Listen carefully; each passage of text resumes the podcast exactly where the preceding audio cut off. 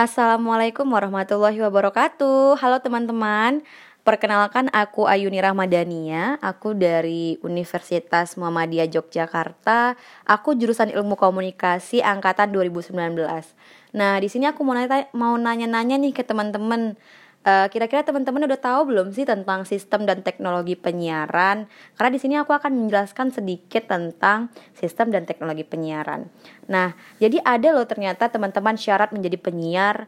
Nah, salah satunya itu ada harus tersedia spektrum frekuensi radio, lalu harus ada sarana pemancar, harus ada perangkat penerima, harus ada siaran, dan harus dapat diterima secara serentak.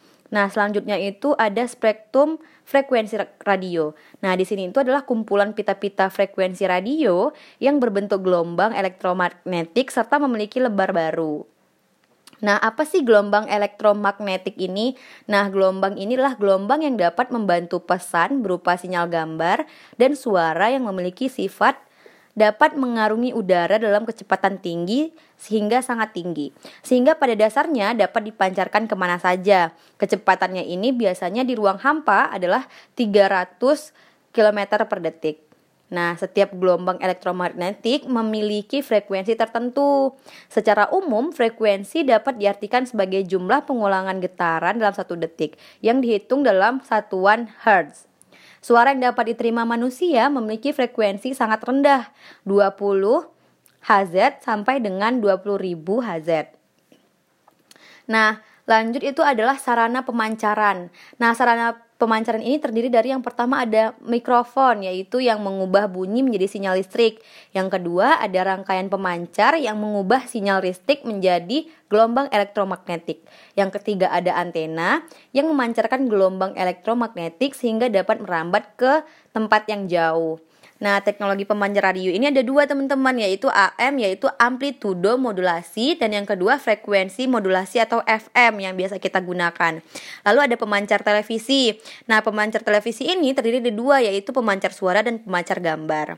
Sedangkan sistem pemancarannya itu juga terbagi dua teman-teman yaitu sistem pemancaran terestrial dan yang kedua pemancar satelit. Nah, penerima radio ini ada dua, yaitu penerima radio dan pesawat televisi. Standar penyiaran itu ada NTSC atau National Television Standard Committee. Itu biasa digunakan di Amerika Serikat, Kanada, Jepang, Korea, dan Meksiko. Dan yang kedua ada PES Alternative by Line yaitu PAL. Itu digunakan seba sebagian Asia termasuk Indonesia, Cina, Amerika Selatan dan seba dan sebagian Eropa. Jadi kita di Indonesia ini menggunakan PAL teman-teman. Nah, yang ketiga ada SECAM yaitu Sequality Color keluar Affect Memory. Itu digunakan di Prancis, Asia Tenggara dan Afrika. Nah, hal yang membedakannya apa aja sih?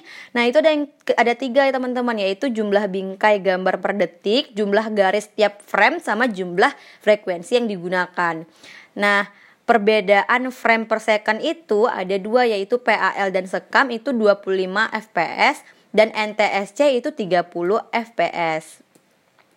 Nah, ini kita lanjut nih perbedaan fields yang itu ada horizontal lines in frame yaitu NTSC itu 525, PAL 625 dan secam 825. Nah, jenis-jenis lembaga penyiaran ada tiga teman-teman, yaitu lembaga penyiaran publik, lembaga penyiaran komunitas, dan lembaga penyiaran swasta. Nah, jadi mungkin itu dulu nih untuk menambah wawasan teman-teman mengenai pelajaran kita hari ini yaitu tentang sistem dan teknologi penyiaran. Nah, selanjutnya mungkin kita akan membahas topik lain ya teman-teman. Sampai ketemu di podcast selanjutnya. Assalamualaikum warahmatullahi wabarakatuh.